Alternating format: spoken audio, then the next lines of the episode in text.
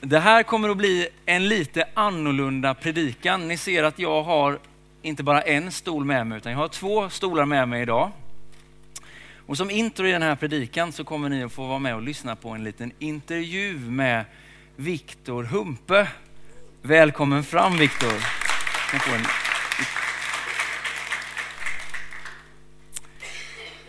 Viktor Humpe är våran sommarkoordinator i sommar. Så om du är här i sommar så kommer du få möta lite mer av Viktor. Men för den som inte vet eh, vem du är, vem är Viktor Humpe?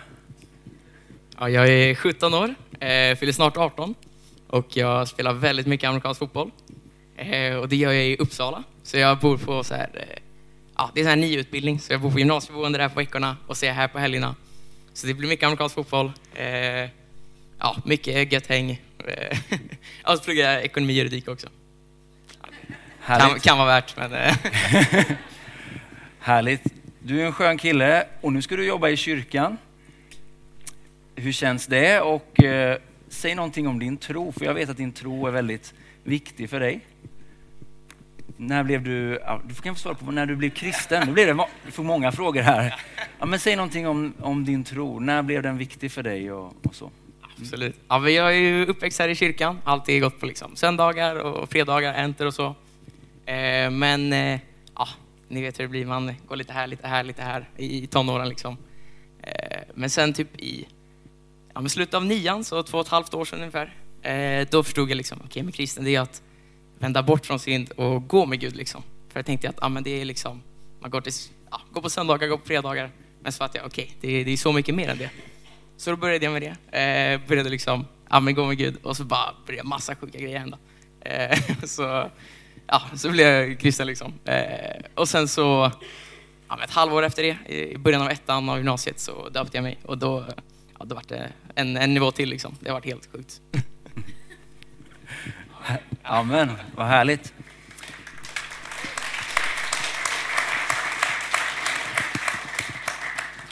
Jag vet ju att ditt senaste år här har varit lite speciellt, eh, särskilt i samband med, med ditt lag och vad som har hänt där. Kan inte du bara berätta lite om, om vad det är som har hänt? Absolut. Ja, men, eh, när jag började skolan, eh, gymnasiet i ettan där, så eh, ja, efter dopet så bara wow, det här är ju verkligen på riktigt liksom. Det är, ja, jag, jag blev bara född på nytt liksom. Och, ja, jag vet inte hur man ska förklara riktigt. Men då tänkte jag, men yeah, det här måste man ju dela liksom. Så jag började vara väldigt öppen med min tro i skolan och så. Och mycket, eh, ja men bara berätta för kompisar. Men då var det också, men hörru, tror du på en skäggig gubbe i himlen? Då tänkte jag, nej det gör man väl inte. Så då började jag liksom söka svar och det blev väldigt mycket apologetik, alltså kristen tro via intellektet. Och då var det liksom när hjärtats tro och intellektets tro kom samman, då var det ju en nivå till liksom. Eh, och då var det så här, ja, man kunde sitta i ett grupprum och bara, hörni, har ni hört om de här arkeologiska bevisen för Noas ark? Tvärcoola. så då vart det, var det åt det hållet. Och så vart det liksom, ja men med intellektet och då, ja, det är liksom... Det, kän, det känns som en väldigt bra öppningsfras här i ett omklädningsrum. hur, men hur har det gått då? Har du fått prata om din tro med, med dina klass eller kompisar och lagkompisar? Oh ja, det, det var ju knackigt i början liksom. Det vart ju ett steg och så oj, läskigt. Eh, men sen så till slut så det vart ju en vana och så bara, oj, det här är ju superkul. Mm. Eh, så nu blir det ju, det blir en väldigt vardaglig grej liksom. Eh, och alla, alla vet att jag är kristen, så det blir mycket så här, ja men bara, man snackar tro. Ehm, och helt fantastiskt att några fått komma till tro och bara blivit helt förändrade. Och det är liksom, jag tänkte man får väl så, vad heter det? Så. Man får så, tack. Mm. Man får så och så och så. Men så fick man sig skörda också. Så det vart ju, det vart man ännu mer taggad. Wow, då måste man fortsätta. Liksom. Och Visst är det så att ni, visst ber ni innan varje match? Ja, men jag brukar be och så brukar det vara några mer som joinar. Ja. Och sen så, eh, ja innan, eh, innan lite så här fysdagar, testdagar, så brukar vi bli ja, men en eller två. En gång var vi 15 som bad liksom. Och det, det var ju tvärcoolt. Det, det där är ju så inspirerande eh, att få höra om och jag hoppas att vi får höra lite mer om det fortsättningsvis eh, i sommar. Eh, men jag vill bara säga att vi är glada att du är här Viktor och jag tänkte att vi ska be en bön för dig eh, och så tar vi med den här inspirationen in i fortsättningen av predikan. Gud, jag tackar dig för Viktor, jag tackar dig för det han har fått vara med om med sitt lag, Herre. Jag tackar dig för den han är, att du har kallat honom, Herre. Du sänder honom in i olika situationer, Herre. Nu vill jag bara be om, om din kärlek, att du omsluter Viktor, Herre. Att han får känna sig buren i sommar när han är här i kyrkan och drar i ungdomsgäng och i gudstjänster, Herre. Jesus, tack att vi är många som kan vara med och sluta upp kring Viktor också, Herre. Tack för Viktor, Herre, den han är. I Jesu namn. Amen. Tack Viktor och tack för att du ställer upp på den här intervjun. Vi ser eh, mer av dig redan nästa vecka när du ska predika här. Absolut. Härligt. Tack.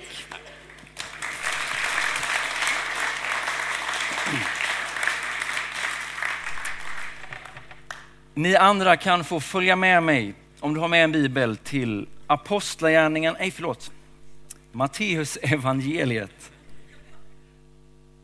Kom nästan på automatik det där.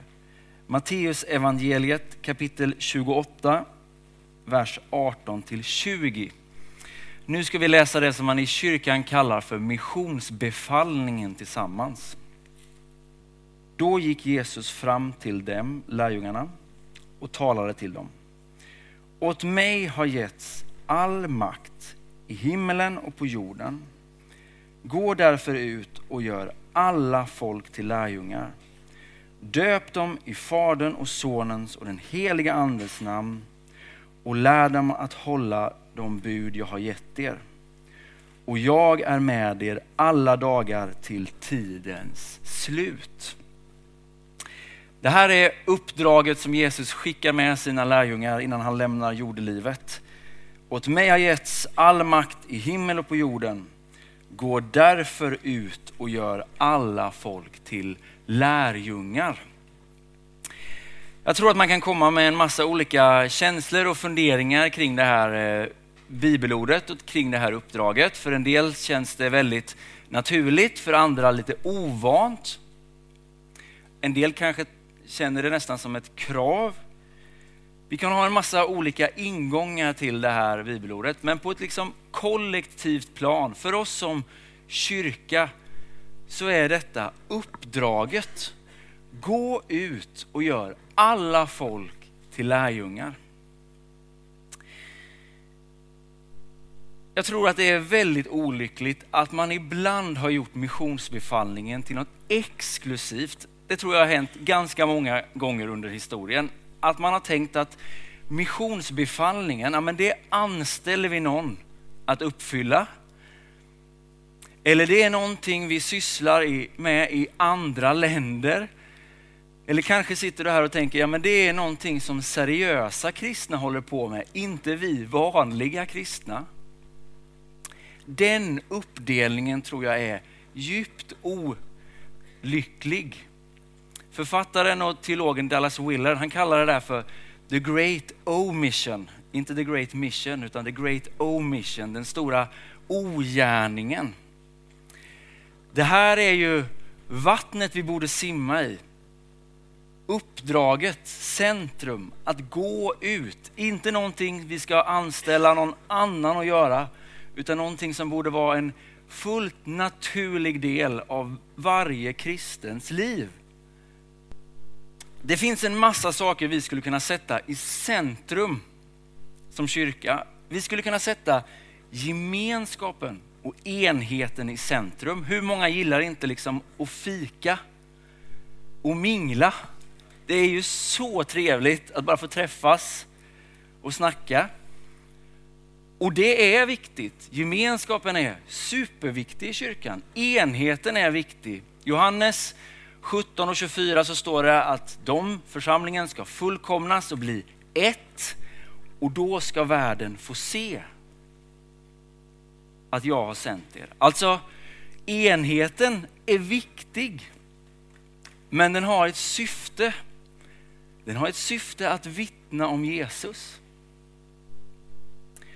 Och jag tror att om vi skulle sätta gemenskapen i centrum, enheten i centrum, då skulle vi ganska snart inse hur olika vi är och hur olika vi tycker och hur ofullkomliga vi är. Vi behöver ett uppdrag att faktiskt samla oss kring. På samma sätt så skulle man kunna tänka, att vi sätter andligheten i centrum. Det här är ju ändå en kyrka, eller hur? Vi behöver komma hit och vi behöver bli påfyllda. Och det är klart att påfyllnaden har en viktig del. Om vi inte får kraften så kommer vi inte heller ha modet eller orken att våga gå ut. Apostlagärningarna 1 och 8 står det, ni ska få kraft och bli uppfyllda av den heliga ande. Och vad kommer sen? Ni ska vittna om mig. Vi får inte kraften för vår egen skull, utan kraften får vi för att ge det vidare. Återigen, uppdraget i centrum. Man skulle till och med kunna säga att vi sätter lärjungaskapet i centrum. Det borde väl ändå vara rätt. Jag menar, man kan ju inte leda någon till kyrkan om man liksom inte själv har gått vägen. Eller man kan inte leda någon till en plats där man inte själv har varit, eller hur? Lärjungaskapet är ju helt centralt. Att vi vet vad vi ska säga och vi lär oss mer om Bibeln och Gud, det är ju så viktigt. Men om det inte finns ett utflöde, då finns det en risk att vi blir som döda havet. Det blir saltare och saltare och saltare, men till slut så dör det. Jag tänker att det är därför som Jesus säger till sina lärjungar, gå ut. Se till att det här utflödet finns på ett naturligt sätt. Säger inte, gå och lär er mer. Se till att ni har rätt svar på alla frågor. Han säger bara rakt upp och ner, gå ut. Och jag förstår att på ett personligt plan så kan det där kännas lite obekvämt. Jag har själv en hel arsenal med liksom invändningar. Det är obekvämt. Man vill eh, ha bra relationer. Ska man verkligen vara påträngande? Man vill ju ha lite feeling och så blir man gärna lite hämmad i det som borde vara det absolut mest naturliga för oss, att faktiskt ge det vidare. Igår så var jag på min livs första golfturnering. Det var en kompis golfturnering, men jag vill ändå säga att den var ganska seriös. Det var bokal och ingravering och grejer liksom. Till historien hör eh, att jag spelar inte golf. Eh, det här var tredje gången i mitt liv som jag faktiskt ställde mig på en golfbana. Tror ni eh, att jag kände mig lite obekväm i att vara med i den här turneringen? Svar ja. I fredags tänkte jag, nej, varför ska jag utsätta mig för fem timmar av total förnedring? Det är ju helt onödigt.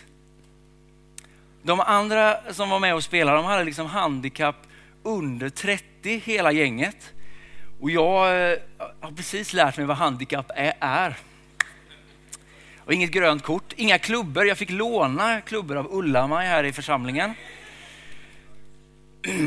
Och jag, när alla så här skröt i chatten att så här, jag kommer krossa motståndet, så tänkte jag, vad ska jag skriva nu?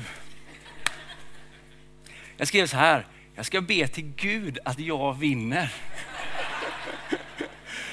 Jag tänkte om jag ändå ska stå ut med den här förnedringen, då ska jag ändå vara lite frimodig. Hur gick det då? Ja, alltså jag måste ändå ärligt säga att eh, jag fick nog fler dåliga träffar än bra träffar. Ni vet, man slår på bollen, då ska den ju egentligen liksom gå i en sån här fin kurva och ner. Mina kom inte så högt så, men de gick framåt i alla fall. Vill ni veta vem som vann turneringen? Jag vann. Jag är lika chockad som ni. Och mycket beror ju på att jag hade det där höga handikappet, självklart. Det blir liksom på något sätt bättre i poängräkningen. Och jag vill liksom inte antyda liksom några högre makter så, men hjälp vilken tur jag hade. Vid ett hål så slog jag en igen, återigen bara rakt fram. Då slog den på en sten och flög rakt upp i luften och landade mitt på green. Så jag gick par på ett hål, eller två hål faktiskt, men på ett av de hålen, då gick jag par med en stenträff.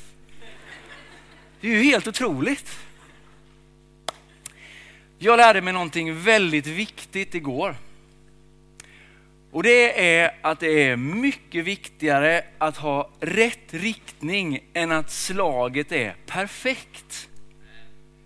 Det är mycket värre att ha en bra träff som går ut i skogen. Det är ett dåligt läge. Men så länge det går åt den där flaggen i rätt riktning, ja men då är det mycket bättre. Jag tror att det är precis samma sak när vi ska börja dela med oss av det som är våran tro. I början känns det ovant. Man känner sig som den ofrivillige golfaren ungefär. Obekväm, bortgjord. Varför ska man stå ut med den här förnedringen ungefär? Men om vi sätter inriktningen rätt, då är det inte våra svar som är det viktigaste, eller att vi får perfekta svar. Utan att vi faktiskt har kompassen, inriktningen, målet inställt.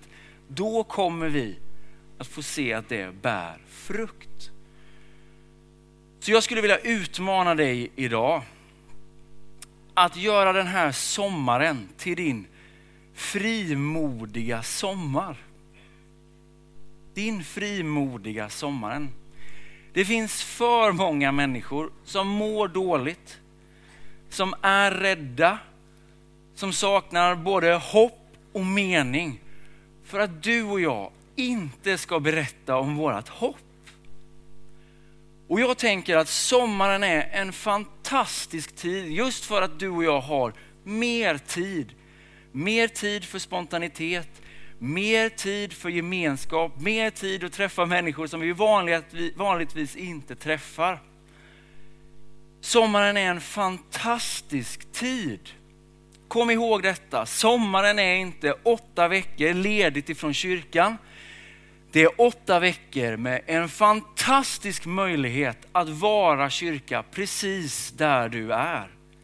Låt den här sommaren få bli din frimodiga sommar. Och om du är här i Sollentuna så skulle jag också vilja säga, du behövs på våra söndagar. Om vi följer liksom mönstret som har varit de senaste åren, ja men då är det ett stort gäng som åker iväg. Men det är också väldigt många människor som kommer nya till kyrkan under sommaren. Så du som vanligtvis går här och är hemma någon vecka i sommar, du behövs här. Du behövs. Sen skulle jag vilja bara sikta lite längre in i hösten, för jag drömmer om att den här hösten skulle få bli en höst, en riktig bjuda med till kyrkan höst. Där du får möjlighet, chans, det har du alltid, men att det får bli ett sånt tryck, positiv liksom våg framåt när vi bjuder med våra vänner och kollegor och grannar till kyrkan den här hösten. Och det sista jag vill säga om hösten är att vi har en alfakurs Alfakurs är ju en introkurs i kristen tro. Det är en fantastisk möjlighet att sitta med, ner med någon som Eh, finns i ens närhet, som kanske är ovan vid kyrkan och diskuterar livets stora frågor. Absolut bästa sättet att gå, gå alfa, det är att bjuda med en vän eller en kollega eller en granne. Men jag tänker så här, det skadar inte att gå en alfakurs. Om man aldrig har gått en alfakurs, ja, men då är det större chans att man känner frimodighet att bjuda med någon om man vet vad det handlar om. Om man har gått den först. Om man sitter av tio stycken onsdagskvällar och talar om djupa liksom, frågor i livet och om tron med andra människor, då blir det en vana som är lättare att ta med sig till andra sammanhang. Så jag skulle vilja också utmana dig. Har du aldrig gått en alfakurs, gå en i höst. Får du inte med dig någon, gå ändå. För det är en så bra grej. Nu ber vi. Herre, jag tackar dig för det uppdrag som vi alla har fått, Herre. Hjälp oss att inte göra det till något exklusivt, någonting vi lejer bort till någon annan, Herre. Utan låt oss alla drabbas av detta, Herre. Låt det här få bli en sommar, Herre, där vi vågar tala lite mer öppet om vem du är, Herre. Och vad tron betyder för oss. Jesus, jag tackar dig Herre för att stigmatisering i samhället släpper Herre. Att det blir lättare Herre att faktiskt dela med oss av det som är det viktigaste Herre. Men hjälp oss att ta den här utmaningen på allvar Herre. Hjälp oss att faktiskt föra evangelium vidare ut i Sollentuna med omnejd Herre. Jesus, tack att du har lovat att du går med oss att du aldrig lämnar oss Herre. Låt oss få uppleva din kraft Herre. Fyll oss med din kraft Herre, med din heliga Ande Herre. Inte för vår egen del Herre, men för att vi ska våga gå ut Herre. Våga dela med oss av det som är det viktigaste för oss Herre. Våga att ge hopp till en, till en värld Herre som känner hopplöshet och meningslöshet. Jesus, hjälp oss att förmedla det hoppet på allra bästa sätt den här sommaren. Jag tackar dig att du går med oss, Herre. Du är med oss i alla sammanhang, Herre, på alla grillfester, Herre, på alla badplatser, i alla möten vi har den här sommaren, Herre. Jesus, tack att du går med. Låt ditt rike komma, Herre. Gör oss vakna och lyhörda för vad du vill leda oss, Herre. I Jesu namn. Amen.